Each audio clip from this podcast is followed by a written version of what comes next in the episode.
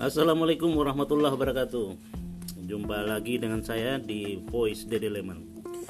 Ini kali yang kesekian saya menikmati morning eh coffee morning ya, coffee morning di rumah Kakanda Is Hakim di Kabupaten Goa. Di BTN apa nih ya? Om? Gerah. Geraha kali gua. Uh, bincang-bincang ringan kami pada pagi hari ini sambil menikmati kopi Bionerve, wah luar biasa ini. Dengan uh, sajian jagung goreng. Lanto, apa no? Langkose, langkose jagung ya.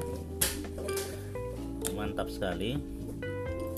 Ada satu topik yang menarik menurut saya pada pagi hari ini yang uh, untuk dibahas uh, santai-santai saja seputar pandemi tetapi kaitannya dengan kebudayaan. Ada suatu kemarin itu uh, teman-teman menyelenggarakan bahwa ini pandemi sudah me- mengambil alih kita punya ruang-ruang kreativitas sehingga kita tidak bisa berapa-apa lagi dan segala macam lah seputar itu tetapi tentu yang akan menjadi anu adalah apa? Setelah itu menurut Kais Hakim bagaimana?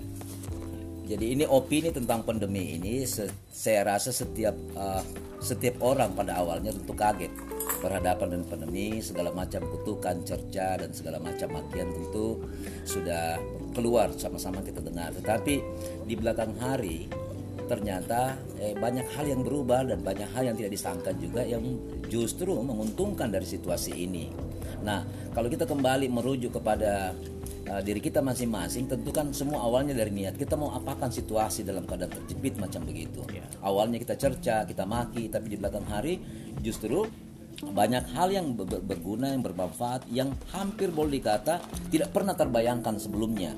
Jadi dari sudut pandang mana yang harus kita perhatikan harus kita lihat Ah, kebiasaan-kebiasaan kita untuk berdialog atau mungkin secara fisik ah, di panggung atau mungkin di ah, pertemuan-pertemuan umum itu sudah tergantikan dengan aplik apa dengan layanan-layanan apa namanya eh, internet atau apa ya.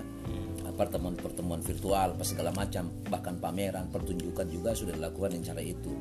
Ah, ini saya pikir juga ke depannya membaca kemajuan teknologi ke depan memang kita dituntut rupanya ke sana. Jadi saya pikir ini eh, derita yang apa membawa nikmat barangkali ya falsafahnya. Jadi Tuhan menciptakan tergantung persepsinya Iya makanya tergantung kita memaknainya bagaimana. Iya, Cocok.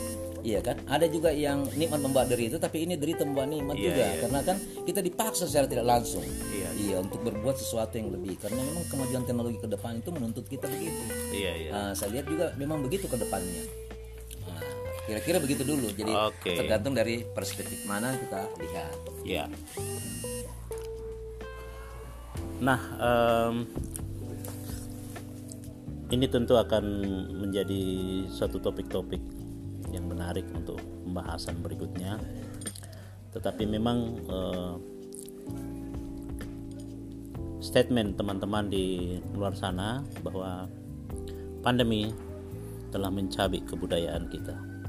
Namun apa dibalik itu kita tentu eh, diharapkan mempunyai pandangan Kebijaksanaan. kebijakan sendiri itu seperti apa dalam menanggapi hal-hal seperti itu. Sampai jumpa pada pembahasan berikut. Terima kasih.